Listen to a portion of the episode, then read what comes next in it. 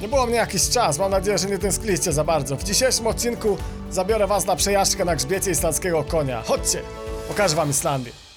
Historia koni i nie tylko tych islandzkich zaczyna się w Ameryce. Wiem, że wielu z was teraz puka się w głowę i złośliwie uśmiecha pod nosem, znając historię o Kolumbie i konkwistadorach, którzy przywieźli konie do Ameryki, strasząc nimi biednych Indian, którzy myśleli, że koń i jeździec to tylko jedno stworzenie. Skoro Kolumb je tam przytachał, to znaczy, że nie było ich tam wcześniej. Tak? Otóż nie tym razem. Nic bardziej mylnego 55 milionów lat temu na terenie dzisiejszej Ameryki Północnej żyło stworzonko o wdzięcznej nazwie Eohippus. Taki miniaturowy konik. Był wielkości dużego psa, jednak mimo swoich małych rozmiarów był świetnie przystosowany do życia w otoczeniu wielkich drapieżników, które w tamtym czasie królowały na jego terenie. Na swoich małych nóżkach był w stanie uciec nawet patrolowi prewencji ze szkoły policyjnej w Szczytnie, pijąc piwko w parku. Żyły tak sobie nasze eohippusy, uciekając wielkim drapieżnikom niczym struś pędziwiat Coyotowi Williamu i pewnie uciekałyby tak do dzisiaj, jednak zmiany klimatu to przeciwnik dużo większego kalibru niż tygrys szablozębny. W końcu klimat stał się dużo zimniejszy i lasy w południowej Ameryce musiały ustąpić miejsca wysokim trawom. Eohippus, mając przewagę nad drapieżnikami w lesie, musiał teraz rywalizować z przeciwnikiem atakującym w stadach na otwartej przestrzeni. Z biegiem czasu naturalna selekcja sprawiła, że nasz mały Eohippus wyewoluował do ssaka 30 razy większego, poruszającego się na jednym kopycie konia, który zaadaptował się na całym świecie, korzystając z ery lodowcowej, która zmroziła ocean, tworząc możliwość dostania się do Azji i Europy. 10 tysięcy lat temu konie w Ameryce Północnej przegrały walkę z drapieżnikami i mimo, że wyginęły w miejscu, gdzie zaczyna się nasza opowieść, wreszcie świata ich czas miał dopiero nadejść. Ludzie przez wieki mieli ogromne szczęście do zwierząt hodowlanych. Wystarczy spojrzeć chociażby na bydło. Mimo swoich ogromnych rozmiarów, bez problemu dało się udomowić. Świnie, owce czy kozy były tak posłuszne i łatwo szły na rzeź, że ludzie uważali, że Bóg czy pomniejsi bogowie stworzyli je właśnie po to, by ludzie je zażarli. Pośród tego całego inwentarza udomowionych stworzeń był jednak jeden gatunek, który miał szczególne miejsce wysoko powyżej innych stworzeń i odegrał ogromną rolę w historii ludzkości. Koń, bo jak się pewnie domyślacie, to o nim mowa, był po prostu zbyt ważny dla człowieka, żeby hodować go tylko na mięso. Około 5000 lat temu ludy zamieszkujące Kazachstan zorientowały się, że żywy koń jest dużo bardziej przydatny niż konina jest smaczna. Postanowili je ukiełznać, oswoić, a i w końcu nauczyli się je ujeżdżać. Nie jest na pewno przesadą stwierdzenie, że udomowienie konia zmieniło świat. Ludzie zaczęli podróżować na dużo większe odległości niż wcześniej, orać pole oraz walczyć z ludami odległymi o tysiące kilometrów. Wikingowie pod tym względem nie różnili się zbytnio od innych ludów i bardzo chętnie używali koni do dalekich lądowych podróży oraz do pracy w polu, co możemy zobaczyć na przykład w serialu Wikingowie. Jednakże większość filmów pokazuje wielkich, muskularnych wikingów na ogromnych, majestatycznych koniach, co nijak ma się do prawdy historycznej. Konie, które widzimy na szklanym ekranie, to zazwyczaj tak zwane fryzy, czyli konie fryzyjskie, wywodzące się z Niderlandów, albo konie andaluzyjskie, które jak sama nazwa wskazuje, są z hiszpańskiej Andaluzji.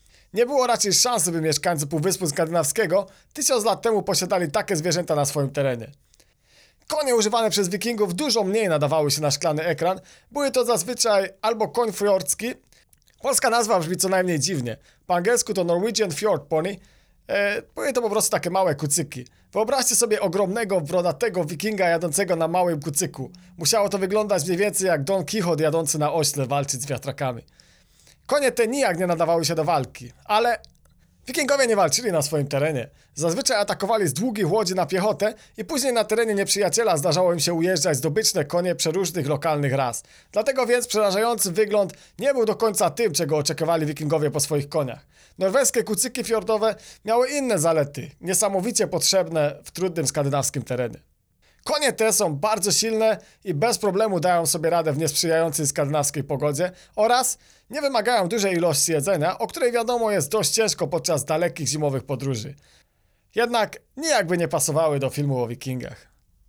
Po odkryciu i zasiedleniu Islandii, nordyccy osadnicy zaczęli zwozić ze sobą konie na nowy ląd. Nie były to tylko gatunki rodzime dla Skandynawii, takie jak kuc fiordowy, ale również konie z innych miejsc, do których wikingowie dotarli wcześniej, takich jak północna Szkocja, Szetlandy czy Wyspy Owcze. Przywieźli rasy takie jak m.in. Shetland czy Highland. Jest też możliwość pokrewieństwa z kucami jakuckimi, co zostało dość niedawno odkryte i ma sens, ponieważ konie w Jakucji musiały się zmagać z równie ekstremalnymi warunkami pogodowymi jak te na Islandii. Około 900 lat temu próbowano wprowadzić gen koni wschodnich, jednak bez większego sukcesu. Kolejnym powodem, dla którego wikingowie przywieźli tą właśnie rasę koni, jest jego rozmiar. Statki wikingów miały ograniczoną ładowność i było dużo łatwiej zapakować małe pocket size islandzkie koniki zamiast ogromnych koni innych ras. I mimo, że islandzkie konie zostały ściągnięte z różnych miejsc, na Islandii wytworzyły jedną rasę, która jest tak samo długo na wyspie jak sami Islandczycy. Mało tego, od samego początku mieszkańcy wyspy lodu i ognia dbali o czystość rasy swoich koni. Myślę, że, myślę, że czystość rasowa ma bardzo zły wydźwięk. Nie uważacie? Nie jest to najlepsze określenie. O, tak było. Między 874 a 1300 rokiem naszej ery w czasie bardziej sprzyjających warunków klimatycznych w ciepłym okresie średniowiecza, islandzcy hodowcy selektywnie hodowali konie pod kątem pożądanych umaszczeń i budowy ciała. Od 1300 do 1900 roku selektywne rozmnażanie stało się mniej priorytetowe, gdyż klimat był często ciężki, wiele koni i ludzi zmarło. W latach 1783 i 1784 około 70% koni w Islandii zostało zabitych przez popiół wulkaniczny, zatrucia i głód po wybuchu wulkanu Laki, który swoją drogą uważany jest za jeden z najbardziej śmiercionośnych erupcji wulkanicznych w historii świata. I już niedługo najprawdopodobniej mój następny podcast w całości poświęcę temu wydarzeniu. Populacja powoli odzyskiwała liczebność w ciągu następnych 100 lat i od początku XX wieku hodowla selektywna powróciła. Pierwsze islandzkie towarzystwa rasy powstały w 1904 roku, a pierwszy rejestr rasy w Islandii został zapoczątkowany w 1923 roku. Ale chyba największy wpływ na dzisiejszy wygląd islandzkiego konia miała ustawa wprowadzona przez islandzki Alfing, czyli islandzki parlament, w 1982 roku, zakazująca wwożenia koni do Islandii. Islandzkie konie rozmnażają się bez domieszek innych ras od ponad tysiąca lat. Jest to ultra ważne, gdyż prawo to obowiązuje do dzisiaj. Kon islandzki, gdy raz opuści Islandię, nigdy już nie może wrócić. Więc gdy zobaczycie islandzkie konie na pokazach poza Islandią, możecie być pewni, że nie zobaczycie tego konia na Islandii i prawdopodobnie pochodzi on z jednej z hodowli w Danii lub w Niemczech. Ta kompletna izolacja od reszty końskiego świata oraz naturalna selekcja promowała konie potrafiące przystosować się do życia w ciężkich islandzkich warunkach. Konie islandzkie bez problemu mogą poruszać się w ciężkim, nierównym terenie, spinać pod strome góry, a nawet trawersować lodowce. Z czasem ich futro stało się na tyle grube, że lodowaty wiatr i mroźne zimy nie stanowiły żadnego problemu dla Islandorów. Kolejnym plusem totalnej izolacji islandzkich koni jest ich odporność na końskie choroby, które praktycznie tu nie występują. I konie nie muszą być szczepione. Oznacza to również, że nie można wwozić za granicę żadnego skórzanego sprzętu jeździeckiego, a buty i kaski należy porządnie zdezynfekować, zanim się ich użyje. Konie, jak już wcześniej mówiłem, zawsze miały specjalne, zazwyczaj najwyższe miejsce wśród zwierząt hodowlanych przez człowieka, jednak nie tylko jako jego słudzy, ale raczej jako jego pomocnicy i kompanii. Wikingowie nie różnili się w tym od innych nacji na świecie. Przybywając na Islandię, przywieźli ze sobą nie tylko konie, ale również wiele legend i opowieści z nimi związanych. Większość opowieści z sag przedstawia konia jako największy skarb dla Islandczyków. W wielu miejscach zamieszkanych przez wikingów za kradzież konia groziła banicja, a banici byli wyjęci spod prawa więc można było ich zabić bez większych konsekwencji. Bardzo często kradzież konia kończyła się śmiercią złodzieja. Dura lex sed lex. Ważni wikingowie po swojej śmierci byli chowani ze swoimi najcenniejszymi przedmiotami, by mogli ich użyć w życiu po życiu. Niektórzy najznamienitsi przedstawiciele wikingów byli chowani razem ze swoimi statkami oraz oczywiście, jak się możecie domyślać, były groby, w których składano ulubionego konia zmarłego razem z nim. Tak więc, gdy wiking poległ w walce, jego koń był zabijany i pochowany razem ze swoim panem, by służyć mu w Walhali. To przypominamy historię, którą opowiedział mój przyjaciel Michał z Nordic Gentleman. W drodze pomiędzy Czarną Plażą a Wikiem na południu kraju znajduje się okazały grób konia. Historia tego miejsca jest niezwykła. Wiele lat temu mieszkał tam starszy pan, który miał swojego ulubionego konia. Koń ten był jego oczkiem w głowie i najwierniejszym towarzyszem. Zdążyli się tak zaprzyjaźnić, ponieważ Zdążyli się tak zaprzyjaźnić, ponieważ islandzkie konie żyją zdecydowanie dłużej niż inne rasy koni. Dożywają 40-50 lat. Niestety, na każdego kiedyś musi przyjść kolej. I ukochany koń naszego bohatera odszedł do końskiego raju. Starszy pan bardzo mocno to przeżył. Z rozpaczy i wielkiej miłości do swojego przyjaciela postanowił, że koń ten musi być pochowany z honorami na cmentarzu. Udał się więc do lokalnego pastora i poprosił o taką możliwość. Pastor był dobrym człowiekiem i widząc rozpacz starszego pana, którego wszyscy w okolicy lubili i szanowali, starał się mu pomóc jak mógł. Jednakże, jak wszyscy dobrze wiecie, zwierzęta nie mogą być pochowane na poświęconej ziemi wśród ludzi, więc pochówek na cmentarzu w żadnym wypadku nie wchodził w rachubę. Wytłumaczył więc starszemu panu, że niestety, ale koń ten nigdy nie został ochrzczony, tak więc nie może leżeć w poświęconej ziemi. Starszy pan wpadł jeszcze większą rozpacz. Nie potrafił wybaczyć sobie, że nigdy nie ochrzcił swojego konia. Pastor, widząc ten smutny obrazek, wymyślił genialne rozwiązanie i zapytał, czy koń miał jakieś swoje ulubione miejsce. Starszy pan odpowiedział, że i owszem, był jeden kawałek pola, na którym ten koń spędzał najwięcej czasu. Na co pastor zaproponował, żeby pochować konia w tym właśnie miejscu, gdyż koń będzie tam najszczęśliwszy. Zorganizowali pogrzeb, pastor przewodniczył ceremonii i wielu ludzi przybyło na tę uroczystość, by pożegnać konia i dodać starszemu panu otuchy. Grób ten stoi do dziś obok drogi biegnącej z czarnej plaży do Wiku i jest łatwo widoczny z samochodu. Jednak nie tylko ludzie mieli swoje ulubione konie. Jest to też dość ważna część opowieści o nordyckich bogach. Nawet Odin, główny bóg nordycki, miał swojego ulubionego konia Sleipnira. Pewnego razu bóg żartowniś, Loki, starał się powstrzymać króla koni z Fardifari przed pomaganiem olbrzymom w budowie muru, o który się założyli, że nie dają rady go zbudować. Zmienił się więc w klacz i uwiódł z Fardifariego i z tego związku wyszedł właśnie Sleipnir. Jeśli pamiętacie opowieść o bogini Frey i krasnoludach z odcinka o elfach, to ta opowieść to kolejny dowód na to, że nordycka mitologia to naprawdę grubszy temat.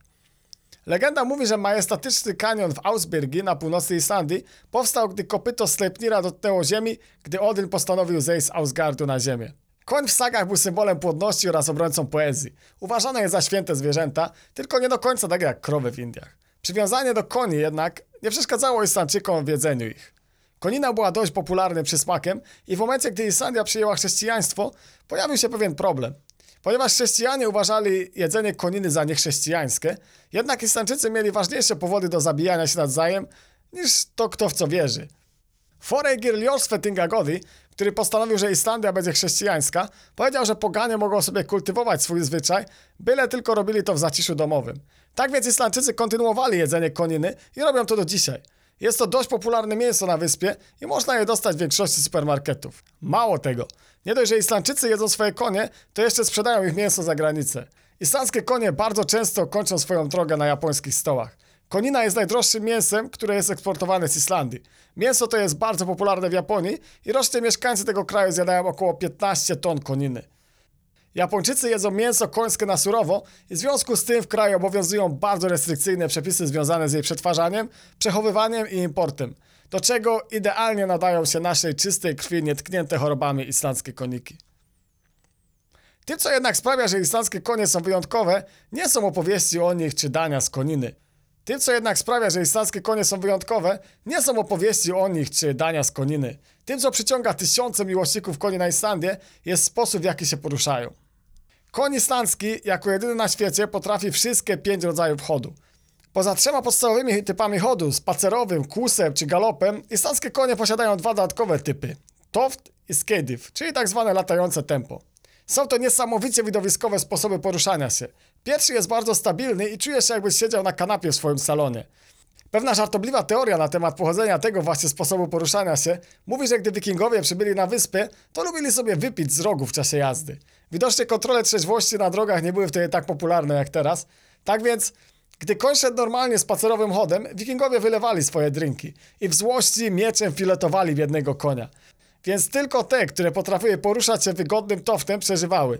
I tak z biegiem czasu, dzięki naturalnej selekcji, islandzkie konie wypracowały taki właśnie sposób poruszania się. Mam nadzieję, że ta historia tylko taki swoisty urban legend i nie jest to prawda, ale tego nie wiem do końca. Jest to tak spektakularny chód, że przyciąga rzesze turystów na doroczne zawody jeździeckie Langsmouth, najważniejsze święto islandzkich koniarzy, które również jest największym wydarzeniem sportowym na Islandii. Około 200 pracowników zatrudnionych przy organizacji festiwalu oraz 100 wolontariuszy ramię w ramię pracuje w pocie czoła, aby zapewnić wszystkim koniarzom i koniarom niezapomniane końskie wrażenia przez cały tydzień trwania festiwalu. Podczas zawodów jeździeckich jokeje rywalizują w czterech kategoriach wiekowych. Dzieci od 10 do 13 lat, nieźle. Młodzież od 13 do 17 lat, starsza młodzież 18-21 oraz dorośli. Oraz rywalizują we wszystkich pięciu stylach. Oczywiście najbardziej widowiskowym jest cave, czyli styl latający, a najbardziej prestiżowym majestatycznym tof, którym jeźdźcy rywalizują o tytuł mistrza toftu. Jeżeli macie chwilkę, to w linku podrzucę wam, jak wyglądają zawody w tym e, stylu latającym, bo wygląda to niesamowicie, powiem, że śmiesznie, no, ciężko powiedzieć śmiesznie, ale jest to niesamowicie spektakularny i unikatowy styl na pewno poruszania się, a więc sprawdźcie w odnośniku e, film z YouTube'a, jak wygląda właśnie ten latający styl, jak wygląda poruszanie się w nim. I poza tymi zawodami jeździeckimi, yy, najlepsze ogiery oceniane są na podstawie ich młodych. I najlepszy z najlepszych wygrywa Sleipnir Bikarin, puchar Sleipnira, czyli tego ulubionego konia Odyna o mocy związku Lokiego z koniem. Po raz pierwszy narodowe zawody jeździeckie odbyły się w 1950 roku w Þingvellir, najważniejszym miejscu w islandzkiej historii, tam gdzie Islandczycy ustanowili pierwszy parlament na świecie oraz gdzie dwie płyty tektoniczne spotykają się ze sobą. Od tego czasu Festiwal był organizowany co 4 lata w różnych częściach Islandii. Od 2001 roku festiwal organizowany jest corocznie i każda edycja przyciąga około 15 tysięcy fanów jeździectwa z całego świata. Więc jeśli akurat jesteście fanami jeździectwa i dziwnym trawem będziecie na Islandii w okolicach czerwca, nie możecie przegapić tego wydarzenia. Jeśli natomiast konie nie interesują was aż tak bardzo, to i tak polecam wam wybrać się do jednej z wielu stadnin koni na Islandii, gdzie możecie spróbować jazdy toftem na islandzkim koniu. Dzięki wielkie za wysłanie tego odcinka. W kolejnym, już za tydzień, opowiem wam o najbardziej śmiercionośnej erupcji wulkanicznej, o której najprawdopodobniej nigdy nie słyszeliście. Do usłyszenia za tydzień. Ples, ples!